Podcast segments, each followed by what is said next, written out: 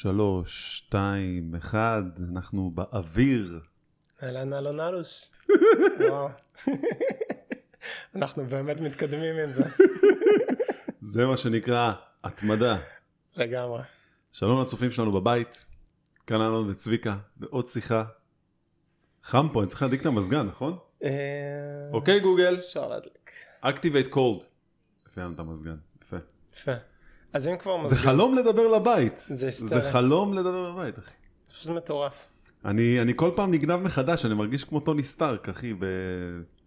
זה לדבר. לקיר באמת. כן, זה כאילו אתה אומר טוב, תדליקי לי את המזגן, מה שלומך, תספרי לי על החדשות היום.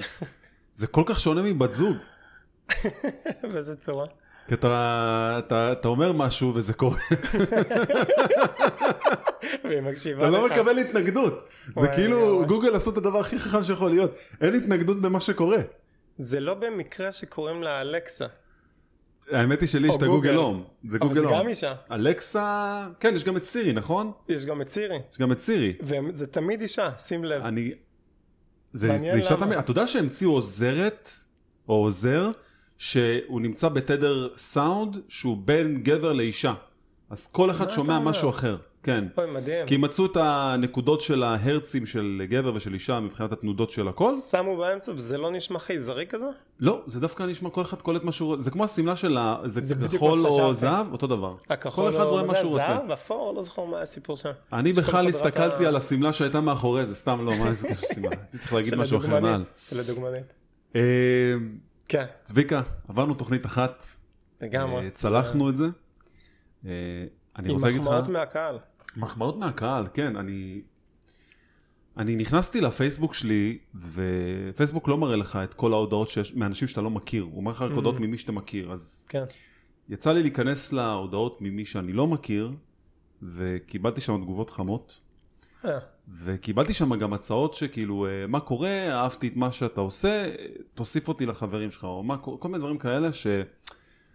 אני חושב שאנשים קצת אה, מפספסים את הקטע של אה, מתי לגשת למישהו שהם פוגשים ב- ברשת, שהם ראו אותו. אה, אני יכול להבין את זה שאנשים מפתחים ישר איזה סוג של חיבור של יו, אני רוצה להתחבר עם הבן אדם הזה, אבל, אבל זה לא באמת עובד ככה. אתה יודע, זה, זה לא כאילו, אה, אה, אני גר אתה בתל לא מצרף אביב.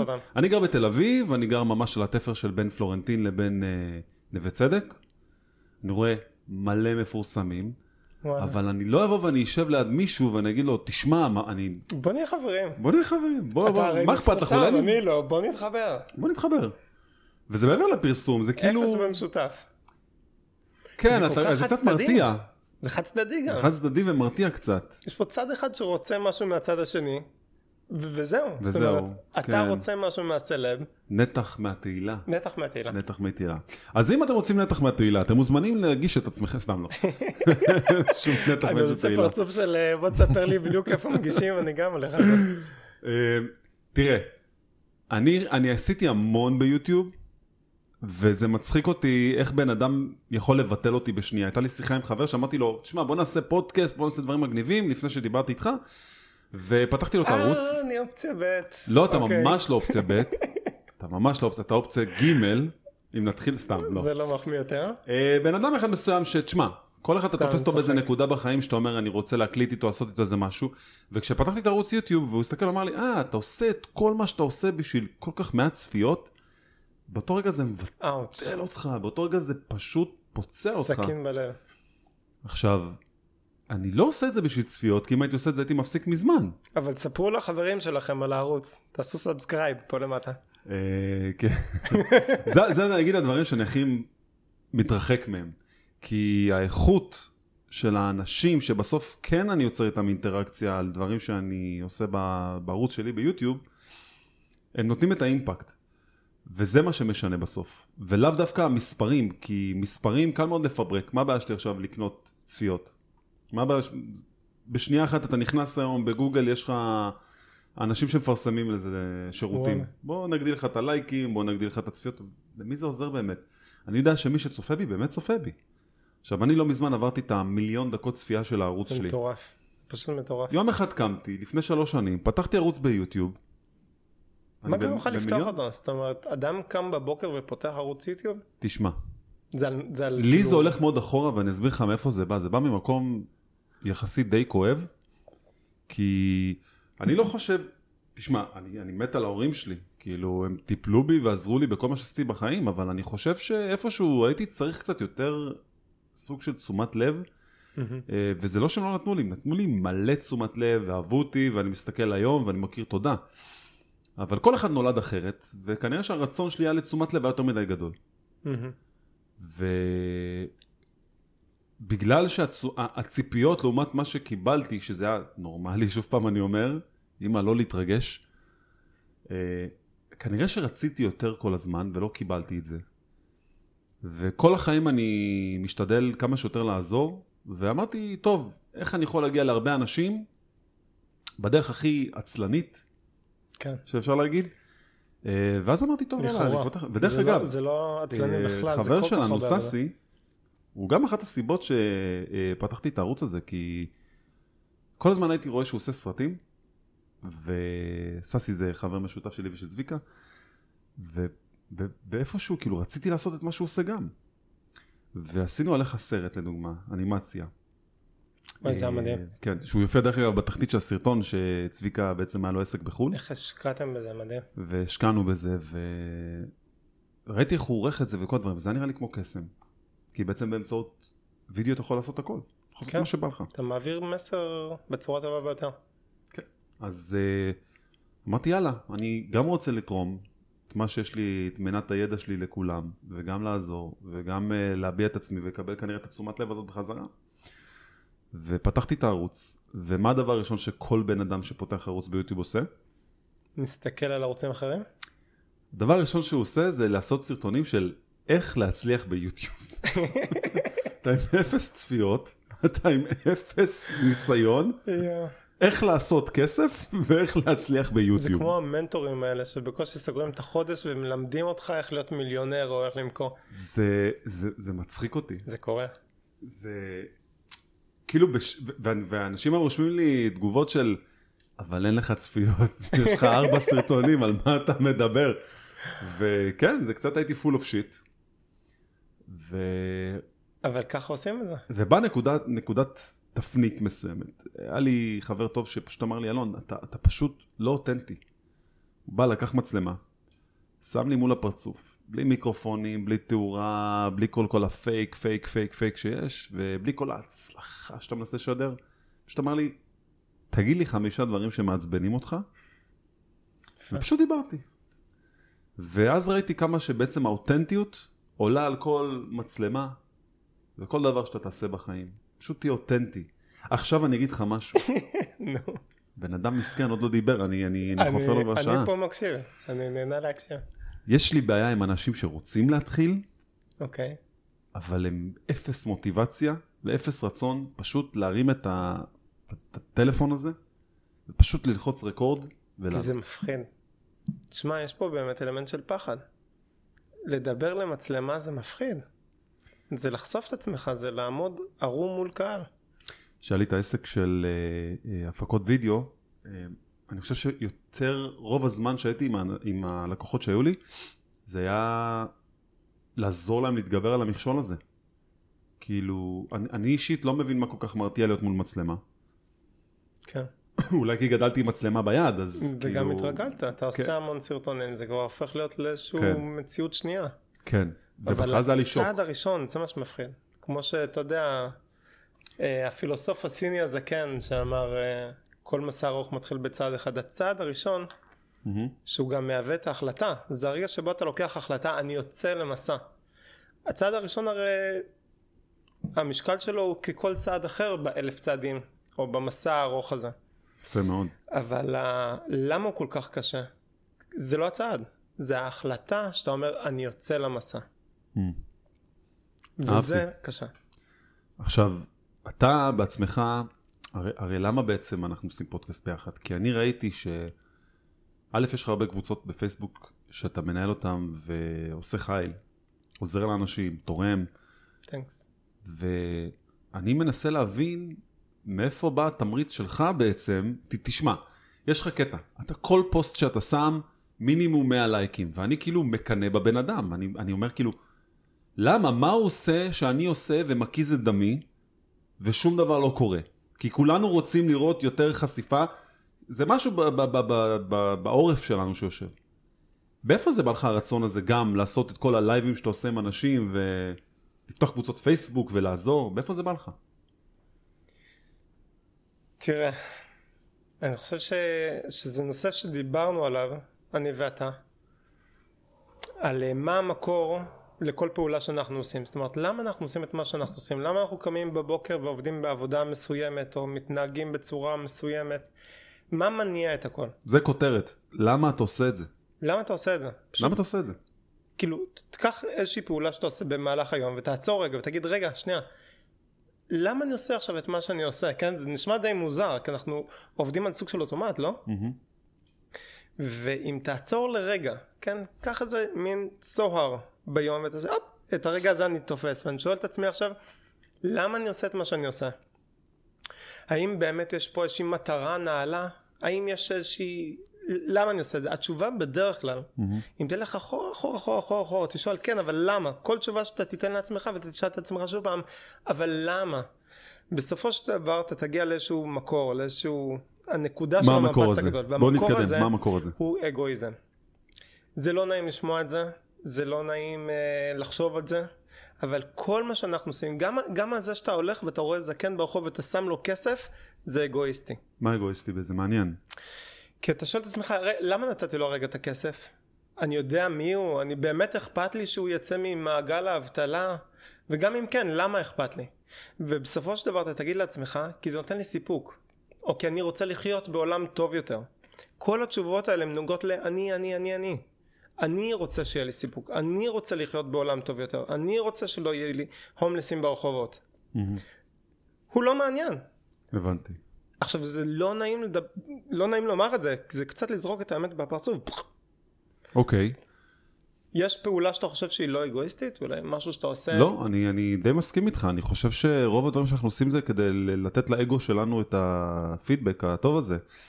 אמ, זה כמו שבמקומות עבודה לפעמים, יכול לבוא עובד ולהגיד, אה, וואי, עשיתי עבודה ממש טובה, לא תזרוק לי מילה טובה?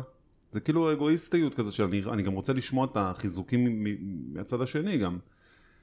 אה, זה נושא שמלווה אותי בערך כל החיים, אני חושב, הקטע הזה של האגואיזם.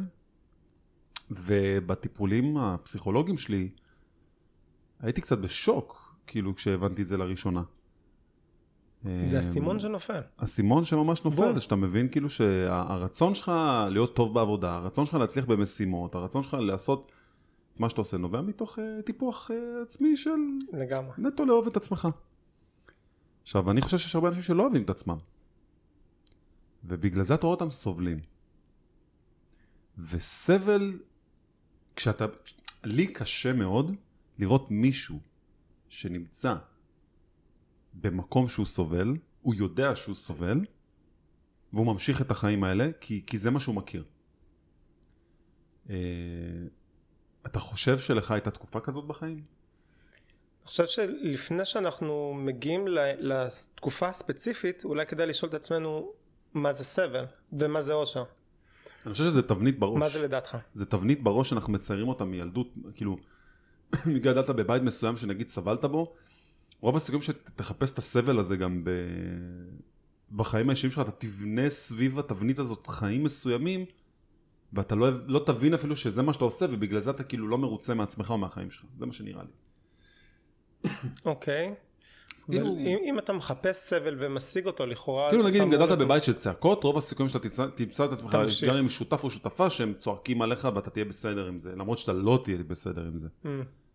כי אתה רגיל, תבנית. כי, כי נכנסת. לאיזושהי תבנית. כן, אמ, אז בהקשר הזה, באמת, אה, הצורה שבה אני רואה סבל ואושר זה עמידה בציפיות. מה זאת אומרת? זה גם קשור ל- להתבגרות שלנו, כן? מה הציפיות שלנו מעצמנו? זאת אומרת, אתה יכול ללכת לזקן סיני שחי בכפר, שכל חייו רק מגדל אורז, מהמם. אין לו נטפליקס ואין לו טיסות לאמריקה, אין לו את כל הדברים האלה. מהמם. אבל אתה תשאל אותו, תגיד, אדוני, אתה מאושר? הוא יגיד לך, אני הכי מאושר שבעולם. מצד שני, אתה יכול ללכת להוליווד, ואתה תראה שם מישהו עשיר, חי במסיבות, יש לו כל מה שהוא צריך, ואתה תשאל אותו, תגיד, אתה מאושר? הוא יגיד לך, לא, אני סובל, אני לא מאושר. עכשיו, למה? למה הדברים האלה? לדעתי כל העניין פה זה באמת איזשהו בר, איזשהו רף שאתה משיג לעצמך ואם אתה מגיע אליו או נמצא בתהליך של שאיפה אליו אתה מאושר. מה גורם לך אושר? בוא ננסה לקחת דוגמה מסוימת מהחיים. יש דברים שגורמים לך אושר או סבל? אושר זה כשאני מקבל הודעות מאנשים של יואו כמה עזרת לי עם הסרטונים שאתה עושה. אושר זה כשאני עוזר להרבה אנשים שהם בהתחלה שלהם בהייטק אה, להיכנס לעולם הזה ולהדריך אותם. מדהים, אתה מאושר מזה, מאוד. יפה. זה אומר שעמדת בציפ... בציפיות של עצמך. כן. עכשיו בוא, אני זורק אותך עכשיו עשר שנים קדימה. יש לך אה, עשר מיליון subscribers ביוטיוב ואתה מקבל את אותה כמות תגובות כמו שאתה מקבל היום. האם היית מאושר? לא. אתה לא, היית אומר לעצמך, מה לעזאזל? יש לי שתי מיליון subscribers ואף אחד לא מגיב. עשר. או עשר מיליון subscribers ואף אחד לא מגיב. אבל זה אותו, אותו מצב בדיוק כמו שיש לך עכשיו. ועכשיו אתה מאושר. מה קרה? הציפיות שלך השתנו. אתה אומר לעצמך אם יש לי עשר מיליון עוקבים אני אמור הרף שלי אני אמור לקבל הרבה יותר תגובות ולא הגעתי לרף. הדבר הזה יכול להיות גם עם ילדים. בא בן אדם אומר לעצמו אני רוצה ארבעה ילדים אוקיי? בילד הראשון כשהוא בתהליך לארבעה ילדים הוא יהיה מאוד מאוד מאושר ויהיה לו טוב הכי טוב שבעולם עם הילד הזה. אבל פתאום אם הרופא יגיד לו מצטער אתה לא יכול להביא עוד ילדים הוא פתאום יהיה מדוכא. עם אותו מצב שהוא היה פה לפני רגע מה קרה? הוא לא עומד בציפיות של עצמו הוא ציפה שיהיה לו ארבע ילדים והוא לא יכול להגיע לזה הוא מתוסכל. וואו. אני מתחבר למה שאתה אומר, ותשמע, אני קצת, השארת אותי קצת ספיצ'לס, כי, זה, כי זה, זה עוד איזה רגע של הערה כזאת שאתה מקבל אותה פתאום, כי כל החיים אתה תנסה לטפח לעצמך ציפיות. עכשיו ראיתי איזה סדרה של, אה, שכחתי מה שמו, נראה לי יורם ארבל. יורם ארבל היה לו תוכנית של איך לא להיות? פראיירים, נכון? היה לו תוכנית בערוץ 2 של פעם איך לא להיות פראייר או משהו כל כזה. כך ישראלי וואי אוקיי וכאילו לא, בעצם לא מסביר שלמה פראייר זה כן דבר טוב להיות, והוא מסביר על הקטע הזה של הציפיות. אז הוא אומר. אני לא, אני לא בדיוק זוכר, אבל הוא אמר, איזה מקום הכי טוב להיות מבין הראשון, השני או השלישי? מי בעצם הכי מסופק? אם אני לא טועה, אני חושב שדווקא מספר שלוש הוא עם הסיפוק הכי גדול מבין כל אלה שנגיד קיבלו מדליה באיזה תחרות אה, באולימפיאדה. כאילו כן, למה? הבנתי, מקום שלישי כי המקום השני אומר, איזה באסה יכולתי להיות מקום ראשון. ואני לא זוכר מה היה מקום ראשון שהוא אמר כאילו למה הוא מתבאס מזה, אבל אני זוכר שמקום אולי שלישי כן, פשוט... לאן לצמוח. אולי אין לו. לאן לצמוח. לכאורה, יש לו שיפור. ואז כאילו בעצם המקום השלישי בעצם אומר, אה, אני קיבלתי מדליה וכל מי שהיה לפניי לא. אשכרה. אז כאילו בעצם הוא הכי מבסוט. וגם עוד יש לו איפה לאן לשאוף. זאת אומרת, כן. הוא לא נתקע. בוא נגיד אתה בג'ודו, כן? כן, אתה מקום ראשון בג'ודו בעולם, א- אין, אין מעבר. אין מעבר. ואז אתה אומר לעצמך, אז מה, אז עכשיו? זה נגמר? מה עכשיו, ג'י-ג'יצו? הכל, מה עכשיו, פעם, מקום אה, ראשון. כן, אז באמת, מה שאתה אומר זה מדהים. כי אתה גם בליגת על נקרא לזה, בקרם דה לה קרם, הגעת למדליות, וגם עוד יש לך לאן לשאוף. איפה נגיד עדיף לגור? במקום שגרים הרבה עשירים, או להיות אה, סוג של עשיר, לגור בדירה יוקרתית במקום שהוא של פחות עשירים, יותר מעמד הביניים. איפה בא הסיפוק יותר? זה כמו אם להיות אה, זנב לאריות או ראש לשועלים קצת. בדיוק. אז להיות ראש לשועלים מסתבר, זה, זה משהו שקצת יותר מקדם אותך בחיים, אפילו קצת הרבה. יותר גורם לך, כי אתה אתה אומר, אתה אני... תעדיף להיות עשיר בשכונה ענייה. לא, לאו דווקא עשיר, אתה תעדיף להיות במעמד בינוני, בינוני, במקום ב- יותר עני, מאשר להיות עשיר מבין עשירים בשכונה רגילה. כי בת, ב, ב, בסיפוק שלך אתה כנראה מרגיש יותר טוב עם זה. למה? ופה אנחנו חוזרים לנושא מקודם. כי אתה למה? מרגיש יותר טוב עם עצמך, אתה בונה לעצמך... כי אתה לא ברף של עצמך, אתה לא ברף. עומד בדיוק, בציפיות. אתה נמצא יותר מכולם, אז... אה, בדיוק. חבר'ה, כולנו. אגואיסטים ברמות... על. תחשוב, אתה, אתה גר בשכונה מאוד מאוד עשירה. ואתה האני. אני- אז יש ציפייה ואתה לא עומד בה. תשמע, דיברנו קצת על השכונת מגורים פה, ואני רוצה להסיט את השיחה קצת. כיף. אני ילד, כש- כשהייתי ילד, גדלתי במרכז. גדלתי, ב... גרנו ב... ליד שכונת התקווה, שהיא הייתה אז היי סוסייטי בזמנו, לפני 29 שנים שהייתי בן 6, 5. ואני בחור, ילד די עירוני. לא ידעתי הרבה טבע בחיי, ידעתי בעיקר אה, חופשות קייטנות של בריכה ודברים כאלה. אתה נראה לי קצת יותר עכבר הכפר ממני. אתה בעצם ילד שגדל במושב, כן, שוב. ביישוב. בעצם מאיזה גיל? אה, כיתה ב' התחלתי ביישוב, זה יישוב אה, דתי, נקרא חשמונאים. יישוב קהילתי, אז זה לא קיבוץ, זה לא מושב, איך. איך, איך, איך הילדות שלך, כי, כי לי זה נראה חייזרי. כשאני גם נוסע היום ו- ומטייל אולי בארץ קצת, אז כל יציאה מתל אביב או מהאזור הזה גורמת לי להרגיש כאילו אני לא נמצא ב- במדינה שלי. תייר. ממש תייר. איך אתה, איך הייתה, איך הילדות שלך הייתה נגיד, אם הייתה נגיד בתל אביב לעומת איפה שהיית? איך הילדות שלך הייתה? הייתה מדהימה. כן? ילדות מדהימה. טבע, מה, מה אתה מרגיש ש- הזיכרונות הכי טובים שהיו לך שם? אה, קודם כל אנחנו יצורים חברתיים. ולמה אני מספר את זה? לכאורה בצורה לא קשורה. כי כשאתה גר ביישוב ואתה גר במקום שאתה יכול לצאת ולהסתובב גם בתור ילד קטן זה לא מסוכן. אני יכול לומר לאימא שלי בכיתה ג' או ד' אם אני יוצא עם חברים אני פה בחוץ אנחנו מסתובבים אנחנו משחקים בחוץ תחשוב איזה אדיר זה זה כאילו אתה, אתה, אתה רץ רחוק, זה כאילו אתה, אתה ב, יש לך חברים ביער, במה אתה, איפה אתה נמצא, כאילו, אפילו בתוך היישוב, כן? א', היה לנו באמת יער ליד היישוב. יער, אה, גם, גם יער בן שמן וגם ממש צמוד ליישוב היה, יש עדיין, יער. אתה מוקף בטבע, וגם הפן הקהילתי של יישוב מול עיר. אני היום גר בעיר, כן? אני גר פה, בתל אביב. כן. אני לא יודע מי גר בקומה מתחתיי. אומר לך חד וחלק, אני לא יודע. אני חושב שפעם אחת דיברתי איתו משהו עם חשמל, אה, אני לא יודע מי זה. ביישוב אתה מכיר כמעט כל משפחה. וזה כאילו תרבות הדלת הפתוחה. כן, בעצם אה, כולם כן, חברים, אתה יודע, אתה חברים. מתגעגע לזה? אתה חושב שזה משהו שהיית רוצה להמשיך לחיות אותו מתישהו בעתיד? אני חושב שלכל דבר יש את הזמן שלו. כמו ששלמה... תשמע, אמר, אני, אני, גדלתי, אני. גדלתי בעיר, והתמזל מזלי לגדול אה, סביב אה, קהילה בוכרית גדולה וואלה. בחולון. וזה משהו שאני תמיד, תמיד, תמיד אה, לא אשכח אותו, הדרך שבעצם... אה, הבניין שאני הייתי גר, זה היה בניין רכבת, שתי קומות, מהמם. ואין כזה דבר שהדלת סגורה, אפילו לא נעולה. אשכרה. כל הזמן יש אנשים, רכבת של שלושה בתי רכבות, אחד מקביל לשני. אנשים באים, נכנסים אחד הולכים, לשני? נכנסים, וואו. יושבים למטה, עושים על האש, חוגגים, ו- והתרבות שלהם היא כזאת שהם תמיד מזמינים אותך גם. כאילו, לא משנה מי אתה, הדלת תמיד פתוחה. וזה פשוט, מצד אחד זה היה כאב ראש היסטרי, אבל מצד שני, אה, הם מכניסים אותך למשפחה שלהם אם תרצה או לא תרצה. אז את התחושה הזאת של הקהילתיות, כן הרגשתי אותה שם. הייתה לך אותה בעיר.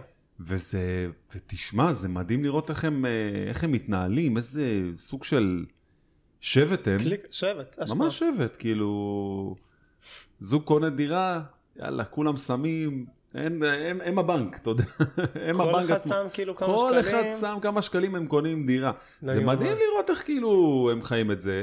אפילו עשה לי קצת תחושת קינה של איזה כיף להם. אז אני יכול להתחבר למה שאתה אומר בקטע של כן. הקהילתיות. אמ, אצלי נגיד ילדות, זה היה כאילו, אה, בעיקר להיות אצל חברים בבתים, כי זה עיר. וזה מכוניות, אז צריך להיזהר. אמא מסיעה אותך, מורידה כן, אותך בבית של כל הזמן היינו. ברדקיסטים, כל הזמן היינו נעלמים. אמ, ילדות מאוד מעניינת, אה, לטוב עשיתם ולרע. שטויות אתה וססי, אה? עשינו, עשינו מלא שטויות, אה, יש לך איזה זיכרון ממשהו ספציפי? שיש לי מלא או זיכרונות. שאתה מעדיף שלא לא, לא, לא, להפעיל יש את לי, עצמך מלא, פה? יש לי מלא זיכרונות. אני חושב שאחד הדברים ה... המצחיקים שעשינו, והאמת היא זה לא היה עם ססי, זה היה עם חבר אחר, שהיה איזה יום כיפור אחד אה, החלטנו שאנחנו לוקחים את האופניים שלנו ואנחנו נוסעים לים מחולון, וקצת הסתבכנו ברחובות, ונכנסנו ליפו, ונסעתי עם חבר שהוא אחד שמתסיס, מה זה מתסיס? זה מצא לו מקום מילה להתסיס. פשוטה אצלו, והוא התחיל סתם לריב שם עם, ה... יואו. עם אה, דרי הרחוב. ידה ידה ידה, חמש דקות אחרי זה אני והוא רצים בצרחות עם האופניים. "אה", ואנחנו פשוט אה, דפקנו משם דוך והסתלקנו. זה אשכרה באו לא, לך אני לא, אני לא. חושב, אני לא חושב שהיינו מגיעים, לא, אני לא חושב שהיינו מגיעים, היינו ילדים קטנים, הם ידעו את זה, הם פשוט רצו להפחיד אותנו, אבל כן. זה... היום שאני חושב על זה, אני אומר, בואנה, כמה אומץ היה לי בתור ילד בן שמונה, תשע, עשר, משהו כזה, ללכת, לקחת את האופניים, לנסוע ביום כיפור ל... עד לים, כאילו... דרך יפו. לא הייתי נותן, אם יהיה לי ילדים, בחיים לא הייתי נותן להם לעשות כזה דבר, כאילו, זה, זה לא היה מגיע למצב הזה, זה... אבל כנראה שזו תקופה אחרת. כן, זו תקופה. אחרת, זה זמנים אחרים לגמרי. אה, איך, איך הייתה התחושה שלך שאתה ראית נגיד את תל אביב לראשונה, שאמרת אני חייב לעבור לגור פה? אני פחדתי מתל אביב. איך, איך זה הרגיש לך? נגיד, אני מנסה לדמיין בראש שלך, באת לתל אביב, אתה כולך פרשמן פה, מה גרם לך להחליט שאתה עושה את הצעד הזה? כי אחרי הכל גרת ביישוב קהילתי, דתי. אה, כן. זה, זה שמיים וארץ. ממש. וגם ליטרלי. כלומר, אם אנחנו מדברים על הפן הדתי, הרי גדלתי ביישוב שהוא דתי. זה כמו שאתה לוקח תמונה, אתה יודע, של פעם עם הסליל הזה של הפילם, ואתה רואה את כל בנגטיב, זה הנגטיב של איפה שגרתי. וואו. זה... כל דבר שאתה רואה פה, אין שם, מה שיש שם, אין פה. וואו. אה, זה גדול, זה קטן, זה קהילתי, זה לא, זה דתי, זה חילוני, זה חיי לילה, זה חיי רוח ויום. זה, זה פשוט הפוך. זה שיעורי תורה, זה לראות את החברים הפוך. שלך שלוש פעמים ב- ביום כן. בשחרית, מנחה ערבית. נפגשים בצומת, החבר'ה, זה לא מה שקורה פה. כן. מה גרם לך? מפחיד. מה היה הדבר שאמר, אני חייב לעבור לתל אביב? מה, מה גרם לך? כי תל אביב, בתור ילד, הפחידה אותי מאוד. הפחיד אותי כי אנחנו פוחדים מהלא נודע, זה, זה הפחד, כן? שהוא אולי מחכה לי איזה סכנה מאחורי, הרי זה פחד, כן? למה אנחנו פוחדים משהו? אנחנו אומרים אולי מסוכן לי שם. המצפון דופק מאחורי הראש, אתה אומר. פחדתי שאולי מסוכן לי שם בתור ילד, כי זה לא מה שהאמנתי, כי אני מפחד מה... אז אפילו, אני אומר לך דוגרי, פחדתי מחילונים, פחדתי מבנות, אני לא הייתי במגע עם אנשים כאלה. וואו. גדלתי בישיבה שהיא פנימייה, שאתה מגיע, לא יצאתי, לא ראיתי עולם, כן? תל אביב בשבילי באמת היה נשמע כמו משהו מאוד רחוק וקיצוני ושונה, ולא עברתי לפה בהתחלה, עברתי אבולוציה. עברתי קודם לירושלים, ירושלים זה גם יחסית מקום... ירושלים שזה אה, עיר גדולה, כן, אז זה איפשהו על הספקטרום, כי זה כן. כן עיר גדולה, כן. וזה כן שונה, אבל זה כבר... אבל יש לך עדיין צביון שם. של להרגיש את הדתיות או את הדת או להיות יהודי. ואותו אותו קהל יעד. מהמם. כאילו אם אתה מסתכל על אנשים שגרים בירושלים יכולתי להזדהות עם אנשים שגרים שם יכולתי להתחבר עם אנשים שגרים שם כי זה מה שהכרתי ולכן זה לא הפחיד אותי. השלב הבא כבר היה לעבור לתל אביב. אבל זה כבר היה אחרי השלב של וזה היה כאילו להיכנס. לדירת שותפים, זה... אז uh, עברתי עם גלעד שזה גם זה חבר משותף שלי ושל אלון אז גם זה זה תמיד היה באבולוציה אתה קשה לך להתנתק מחבל הטבור כלומר עשית את זה בצורה מאוד מבוקרת כזאת של אה, לאט לאט. לגמרי. אתה גם עשית שינוי, זאת אומרת, חולון ותל אביב זה לא אותה עיר עם כמה שהן לא, קרובות. תשמע, אני, אני זה סיפור אחר לגמרי, אני, אני, אני, התסביך שלי בא מזה שאני מטר תשעים וארבע ויש לי אישיות של, של אריה. אני... מטר תשעים וארבע והיד עוד אה, נטויה. אני פשוט שאני, אני כבר מגיל 15, 13 אפילו, אני כבר ידעתי כאילו שאני עצמאי בשטח, כי בגיל הזה כבר הגעתי לגובה של אימא שלי ואי אפשר היה כבר להשתיק אותי. כאילו, אני, אני לא ידעתי מה זה להיות ילד קטן. אני, כשאני הייתי ב, בגן חובה, חשבו שאני בכיתה ה'. בבר מצווה של אחי, אני הייתי בן 9, היה בן 13, חשבו חשבו שזה הבר מצווה. שלי, כי אני הייתי יותר גבוה ממנו. וואלה. אז תמיד התייחסו אליי בתור בן אדם בוגר, ותמיד ידעתי שאני הולך לעשות אה, צעדים מאוד רדיקליים לעצמאות שלי, ובגיל 18 עברתי לאילת. איזה קיצוני. עברתי לאילת, קיצוני. אמרתי, מה, אמרתי לעצמי, תראה איזה מחשבה זה של לברוח הקצה של מהכל. המדינה, זה זה, לברוח. כן, כאילו זה זה אומר, לברוח. זה אומר, עזוב, זה יותר מזה אפילו, זה אומר, מה קורה איתך ברגע שאתה אומר, אני הולך להמציא את החיים שלי מחדש, דף חלק, שום דבר לא נכתב, אתה יכול להיות איזה אלון שאתה רק רוצה. כן, זה מדינה אחרת. וכל החברים שלי דיברו אחרת. כל החברים שלי היו בווייבים אחרים, של כאילו מי הם מה? ומה הם. אה, אתה יודע, כל העניין של צבא וחיים ואיך הם מתנהלים והכל. ואני אמרתי, אוקיי, אני הולך לעשות את זה, אבל בצורה אחרת לגמרי, אני הולך להמציא את אלון מחדש לגמרי. אני הולך לקחת את כל הטעויות שלי, למחוק אותם, להדחיק את אלון הישן, פשוט לבנות, לבנות את עצמי מאפס. וזה זה היה מטורף. הצלחת? זה, זה, כן, זה המטאורי. זה המטאורי הרמת הצלחה, כי לא עבר אה, חודש או חודשיים, כבר התחלתי אה, לכתוב בכמה עיתונים ופורומים בתור אה, כתב רכילות. התחלתי לצלם לכל מיני אה, אתרים, שזה כאילו בזמנו היה הדבר הכי בתולי שיש לצלם כן. במסיבות. ולצ... ופתאום התחלתי. אה, להיות סוג של אה, אושייה של, אה, של אילת. כל מקום שאתה מגיע, דלתות נפתחות, אתה מוזמן לכל ההשקות, אתה מוזמן לכל המקומות הכי שווים. אה, אתה מחוזר על ידי הרבה מפיקים של כאילו בוא נעשה עבודה ביחד, ו... וזה יצר לי סוג של אה, אגו עוד יותר גדול. ו- ו- וזה היה מדהים, זה היה שנתיים נטו מסיבות. אה, עשיתי גם צבא בזמן הזה, וזה היה שנתיים של נטו מסיבות, נטו כיף חיים. יש גם הרבה סיפורים עצובים משם, אה, כל מה שהיה איתי אה, מסביב, אבל בסופו של דבר ניצלתי את מה שרציתי. כאילו, זה היה צבא, מסיבות, עבודה, הכל ביחד. זה פשוט הסתדר לי בצורה מדהימה. והבאתי לשם משהו ש... שכנראה גם פתח לי את הצ'קרות לדברים אחרים, שזה פתאום להבין שיש דרך אחרת. אתה יכול לצאת מהבועה שלך, לא משנה מה. ונראה לי ששנינו קצת יצאנו מהבועה של עצמנו כדי להגיע למה שאנחנו היום. שזה לא כזה הרבה, אבל. מיליונרים אנחנו לא, אבל אנחנו די בכיוון של עלייה. אמ, אבל אז- רציתי לשאול אותך, כאילו אתה הגעת לאילת, כן. שזה די כמו לנחות בניו יורק, and now what, כאילו, מה עשית? הלכת לא לים? איך מתחילים מפה? אני אגיד לך מה עשיתי. קניתי. גוגל היה בתחתונים באותה תקופה. אז פשוט קניתי ספר צילום, קניתי מצלמה במיטב כספי, כחייל, והתחלתי ללמוד איך לצלם. ובאוטובוסים, בדרך חזרה מהבסיסים לכיוון הבית באילת, כי זה היה כזה יומיות שהייתי משרת, זה היה כזה, היי, מה העניינים? קוראים לי אלון. אה, אה, אתם יוצאים למסיבות? אפשר לצאת איתכם למסיבות? לא עשית את זה. ככה, פשוט ככה. ליצור חברויות באוטובוס, ולא להסתכל אחורה. פשוט לא להסתכל אחורה, פשוט, אני צריך חברים. אני צריך אנשים, וזה פשוט בנה את עצמו. בצורה כזאת ש...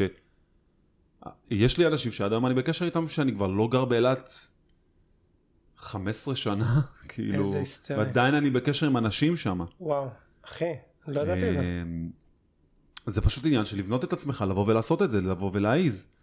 וזה היה סוריאליסטי, כי, כי חוויתי שם דברים, היה לי לדוגמה את מלחמת אה, לבנון השנייה בתקופתי שמה, אה, והערכתי גם משפחות מהצפון שבאו להיות אצלי כדי להתחמק בדירה, מהטילים. כאילו? כן, דברים, כאילו... מי אתה? אנחנו מכירים? דברים הזויים, כאילו בטח, ואני, אני, הראש שלי היה כזה, בטח, מה הבעיה? כאילו, משפחה מסוימת של אה, עם ארבע ילדים, בואו, תשנו אצלי, הכל בסדר. הכי סבבה. אה, אז הרבה סיפורים למה כאלה, לא כולם אלון אלוש? ממש. גם עם האומץ, גם עם הטוב לב הזה, שהוא טבעי, זה בא לך בטבעיות, אתה לא זה- חשבת על זה זה. היה בטבעיות, זה היה... מדהים.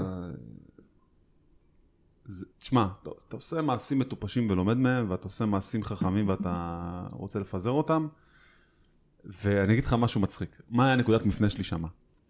אני, אה, בין לבין שהייתי צלם, הייתי גם אה, מלצר אוקיי. במלון הנסיכה.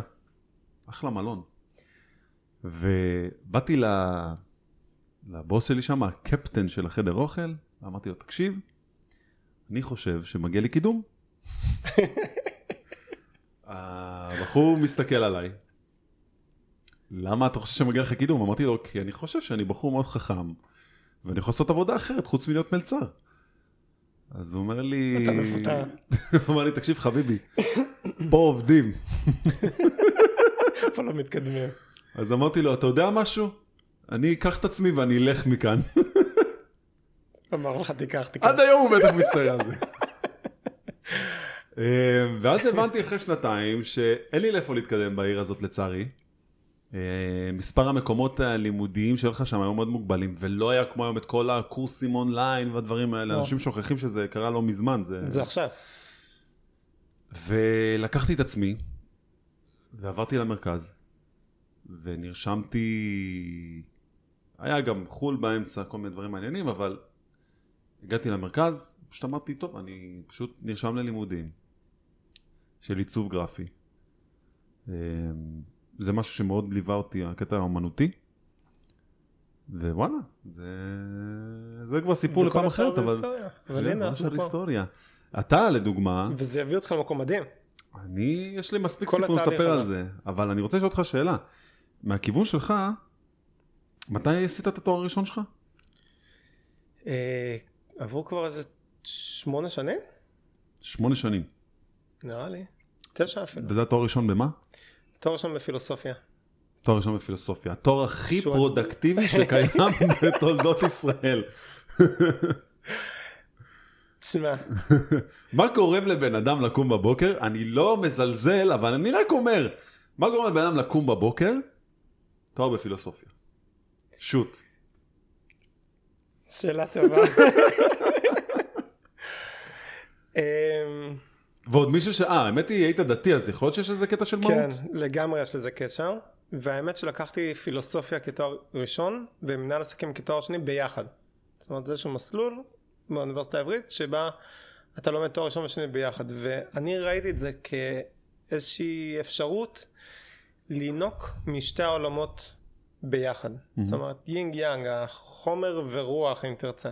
מצד אחד לסגור לעצמי פינות, כמו שאמרת, אני מגיע ממשפחה דתית, ופשוט היו לי שאלות פתוחות על העולם.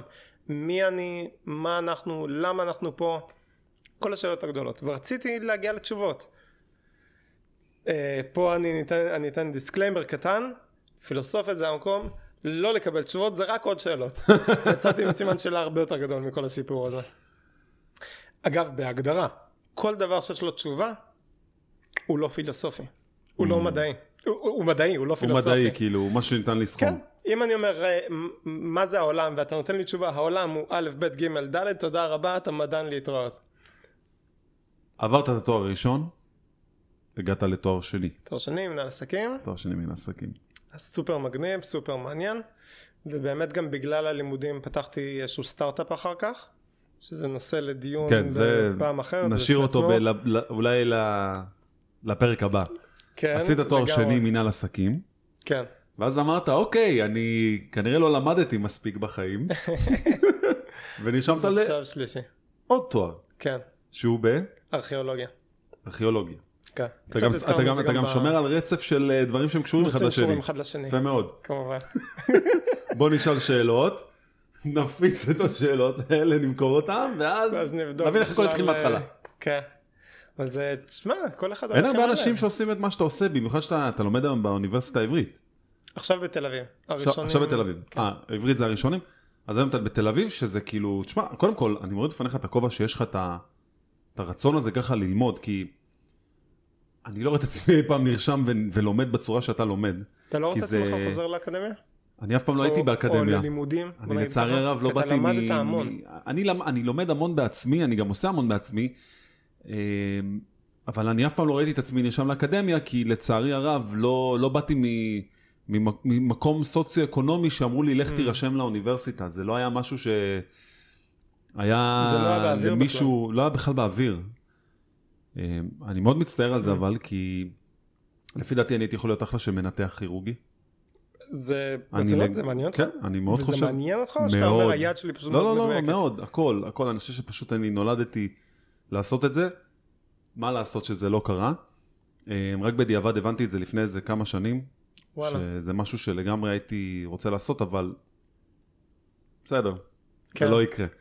אה, אבל אה, אם זה היה לי, לגמרי הייתי הולך על זה. אני חושב שכשהייתי בתיכון, אני, אני חוויתי הרבה דברים לא טובים, בהרבה סטיגמות שהדביקו עליי, וזה קצת שם אותי במקום של אולי אתה קצת פחות מאמין בעצמך, אולי זה גם מה שגרם לי בסוף לברוח לאילת ולעשות את כל מה שאני עושה, אתה מבין? כן, אה, זה דברים שהם פשוט בונים אותך. אה, להיות מי שאתה. מדהים. אה, אני זוכר גם שאתה לקחת שנה, אני, אני ראיתי את זה כמשהו קיצוני בעליל. אה, וקצת אפילו הייתי בשוק, בשוק, אבל אני זוכר שאתה לקחת תקופה ונעלמת לכולם כן. ולמדת. איפה אלון אלוש לא יודעים. הוא לומד. אני, אני, תשמע, אני, יש לי מחשבה מאוד פשוטה בראש. אני אומר, איך אתה יכול למנף כל דבר שאתה עושה? עכשיו, אם אני יושב תשע שעות, ואני עובד אה, על עיצוב גרפי של משהו, ואני מרוויח איקס כסף, ואני מסתכל סביבי, ואני רואה אנשים במקצועות אחרים, שאני עובד איתם- איתם ביום יום, והם מרוויחים פי שלוש, פי ארבע, פי חמש ממני. ואני שואל את עצמי, מה מיוחד בהם כל כך? ורוב האנשים שהיו בתפקידים האלה, היו מאוד מתנשאים. עכשיו, אם יש משהו שאני אוהב, זה challenge. תאתגר אותי. כי ברגע שאתה מאתגר אותי, האנטר שלי אני נלחץ. מביא לך אתגר אחד, תביא לי כל... כן, בדיוק. זה הדרך לגרום לי... זה הדרך לגרום לי להידלק. ואז אמרתי, אוקיי, אני לא רוצה להיות אה, אקדמאי, לא מעניין אותי ללמוד את אה, תורת המחשבים או מדעי המחשב, כי זה נראה לי דבר אה, שאני לא רוצה לעסוק בו בשלוש שנים הבאות שלי בללמוד ולהיות אה, רעב ללחם. אמרתי לעצמי כזה דבר, אני יושב בבית במשך שנה, 12 חודשים, אה, מכין את עצמי לזה כלכלית, פותח ספרים שהזמנתי מחו"ל, שוב, גוגל בזמנו לא היה כזה חזק כמו היום, ופשוט לומד לבד מדעי המחשב. מבלי לדעת כלום. מבלי לדעת. שום דבר, עם אפס הבנה, ואחרי שנה בניתי שני מערכות סופר מורכבות, שזיכו אותי בעבודה הראשונה שלי בתחום. וידעתי, פשוט ידעתי, שאני הולך ללמוד מדעי המחשב ולעשות את זה בשנה אחת. כלומר, אני מגלח את כל הבולשיט, אני מגלח את כל המערכת הכבדה הזאתי של לימודים, ואני הולך לדבר אחד מאוד פשוט, לתכלס. תכלס. אני רוצה להתעסק בזה, אני רוצה לעסוק בזה, אני אלמד את מה שאנשים עושים ב-day to day. לא את היסטוריה של המחשבים. ואלגברה, וחמש יחידות, ואל תבלבלו לי את המוח. וכמו שאתה שומע, יש לי לזה הרבה, הרבה מנה של זעם, כי כן. אה, זה דברים שהמערכת, כאילו, אני בא ממקום שהמערכת לא האמינה בי, אבל אני האמנתי בעצמי. וזה אחת הסיבות שאני עושה קורסים ואני גם אה, והצלחת. זה- שם אותם זה בחינם. החלק היפה גם. ההצלחה באה עם עבודה קשה, עם התמדה ועם ידיעה שאתה בונה לעצמך תוכנית שהיא תצליח. ו... ולאו דווקא, אני לא, אתה יודע משהו? עד היום אני לא חווה את ההצלחה שלי כמו שאני הייתי חושב שאני אחווה אותה.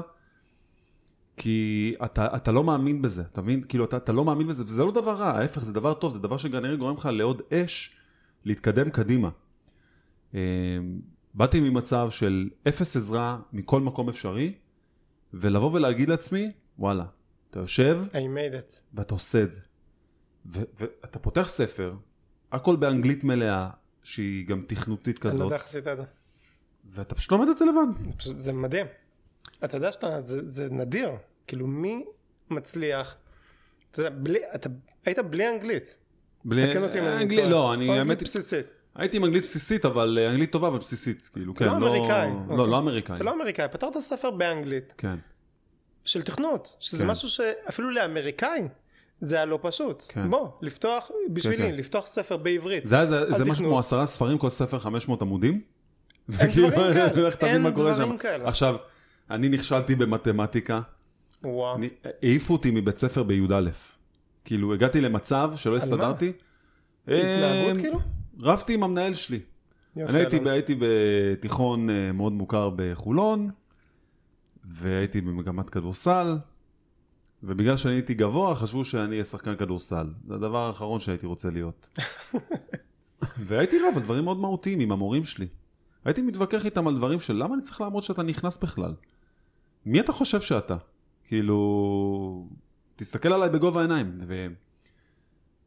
וכשהעיפו אותי מהתיכון, אז הלכתי לתיכון אקסטרני, ובשנה אחת עשיתי את כל הבגרויות בהצטיינות. למה זה כן עבד?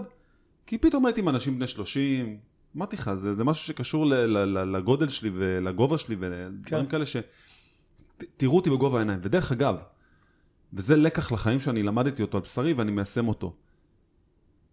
כשאני היום מדבר עם ילדים, עם אחיינים, כשאני מדבר עם, עם, עם בני דודים או ילדים של חברים שלי, אני מדבר אליהם כמו לאנשים מבוגרים. וואלה. וזה משהו שאני חושב שהוא מאוד הכרחי. לא לטפח מערכות של כאילו, אוי, איזה חמוד וזה. לא, תדבר אליהם בגובה העיניים. אם היו מדברים אליי בגובה העיניים, כמו שדיברו אליי באקסטרני, סביר להניח שהייתי מצליח הרבה יותר אפילו בחיים. כן. ודרך אגב, היום שאני דווקא כן אה, מתקשר עם אנשים אה, אה, דרך הערוץ שלי, אני קולט גם, לא יודע, נגיד אני מסתכל על, על אה, בני דודים שלי שהם בגילאים של 18-17, הם לא רואים אותי ממטר. אתה מנהל איתם שיחה, זה כאילו הם כבר בגיל 30 ב mindset. אה, כן, אני אקנה דירה בטח עוד חמש שנים, אני אעבוד ככה, אני אעשה ככה השקעות, אני זה. הם. בוגרים. כיף לי עם זה. כי, כי אתה, אתה, אתה, אתה רואה כמה שהם מדביקים את הקצב. ו, ולא אכפת לי שהם אה, מפספסים את הילדות שלהם, יאללה, למי אכפת? מה אתם זה עובדים בדיוק עליי? מה שהיה לי בראש. אולי הם קצת מפספסים. אחי, עובדים עלינו בעיניים, עזוב אותך. אני חושב ש... אבל דרך אגב, אני חייב להגיד לך גם משהו טוב לגבי המערכת חינוך.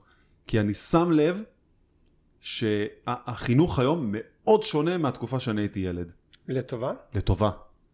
אתה רואה, אתה רואה היום את הטיפוח שעושים. עליהם, כן, אתה רואה שכבר השיעורים זה לא אותם שיעורים מעייפים כמו פעם, יש היום יותר כזה, נגיד כיתות בנויות היום כמו סלון, אה, יש לך היום הרבה יותר שיעורים שהם נוגעים ב...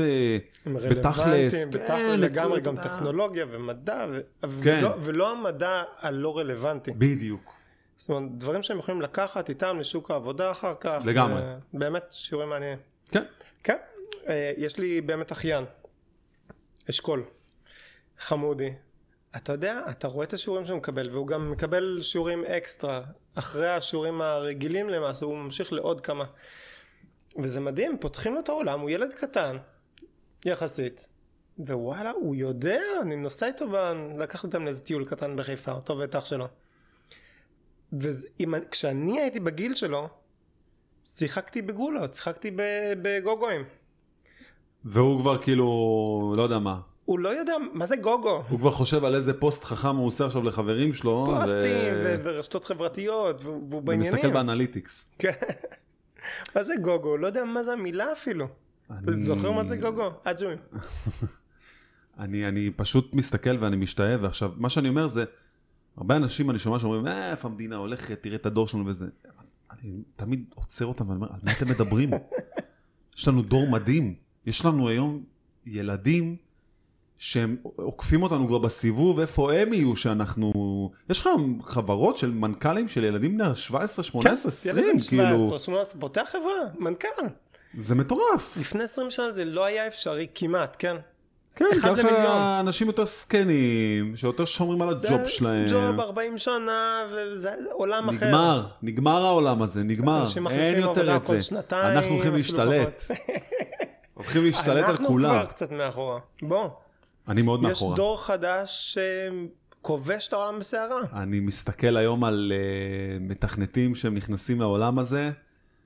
א', הם, הם מדברים מהר, קצר מאוד, היכולת שלהם להיות מרוכזים בשיחה היא שואפת לעשירית האחוז ממה שלאנשים שהם אה, ברור. בגיל 35, וזה מורגש. שאתה צריך, לה- בעולם אחר, אתה אשכרה צריך להושיב בן אדם, לגרום לו שיתרכז בך. תעזוב את הפלאפון. עכשיו, דברים כאלה, כאילו, באמת הספן, האורך זמן שאנחנו, אנחנו, מול ילדים, למרות שאתה יודע, אני שואל את עצמי, ישבתי עם אשכול, החמודי הזה, והיה לו הכי אורך רוח שבעולם.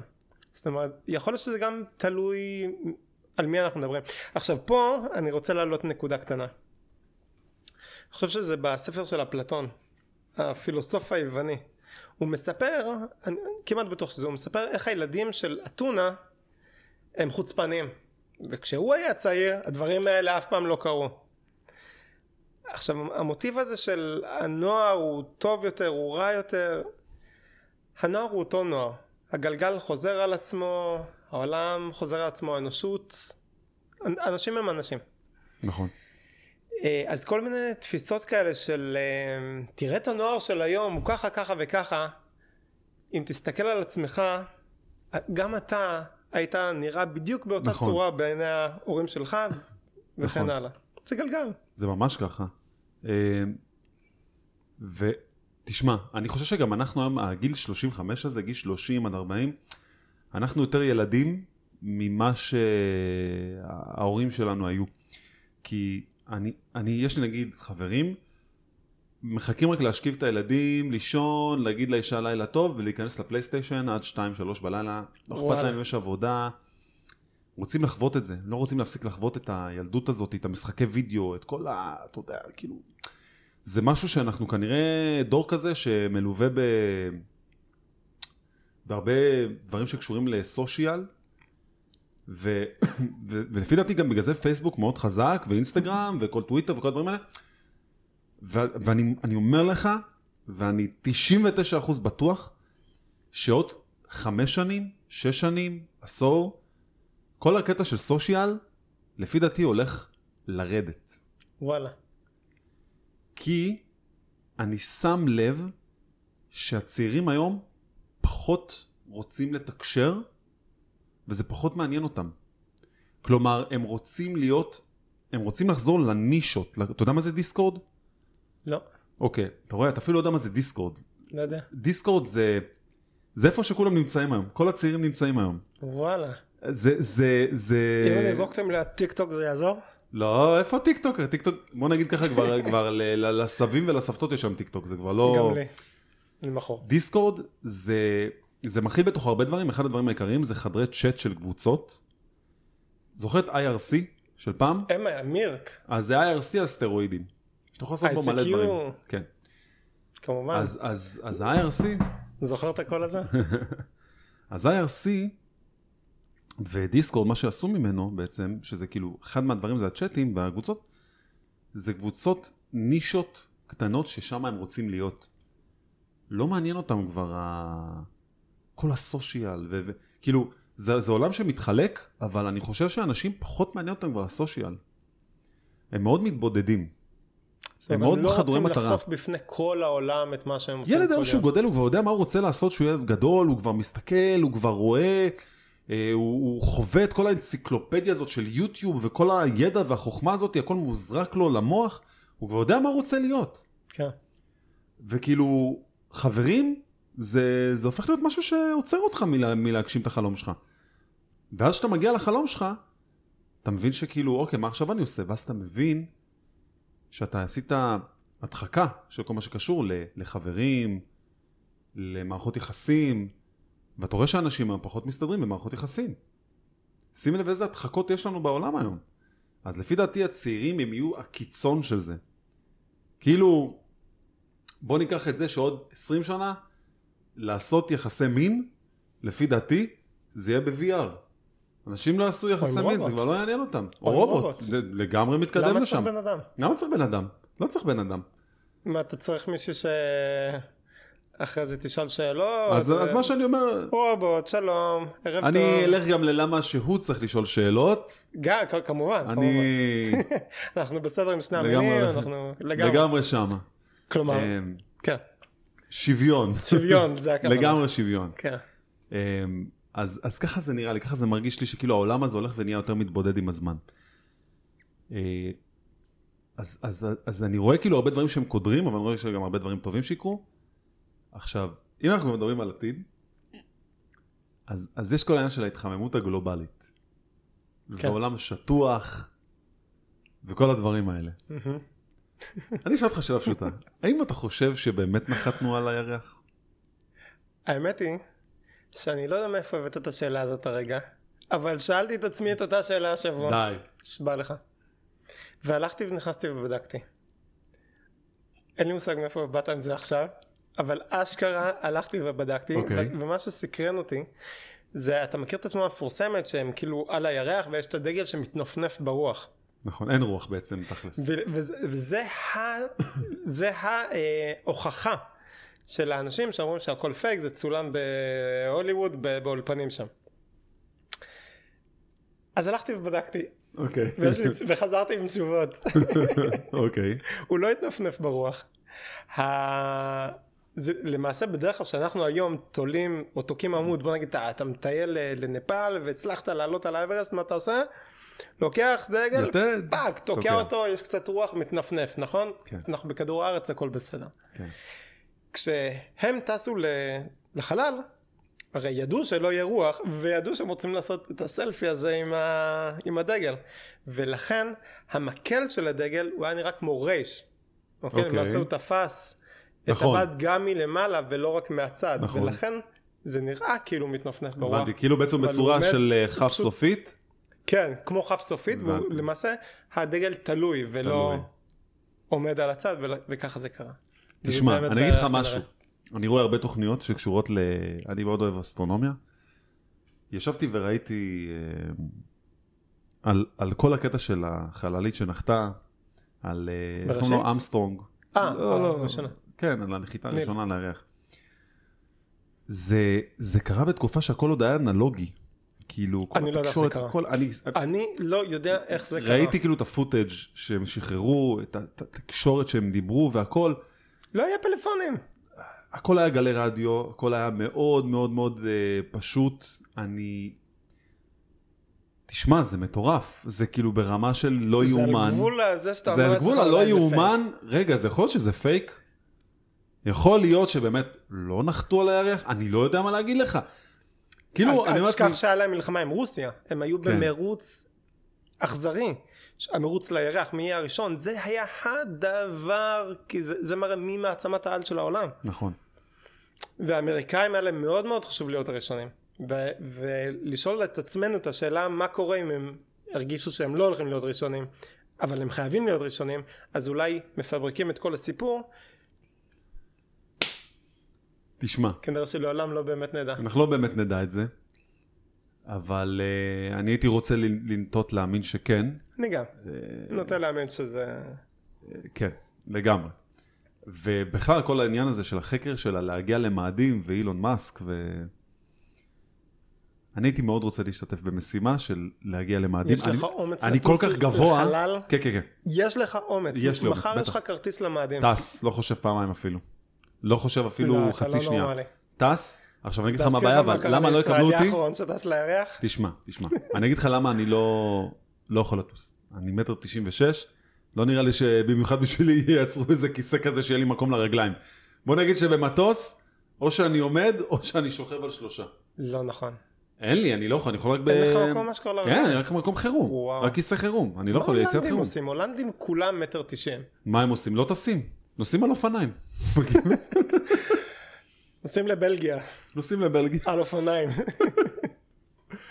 אה, ברצינות. אין לי מקום, אין לי. מקום. אני מגיל קטן, אני יושב באוטובוס, לא יכול לשבת באוטובוס. וואו. אה, מכוניות, הברך שלי תמיד במזגן, קם בבוקר, הגרון של הברך כואבת.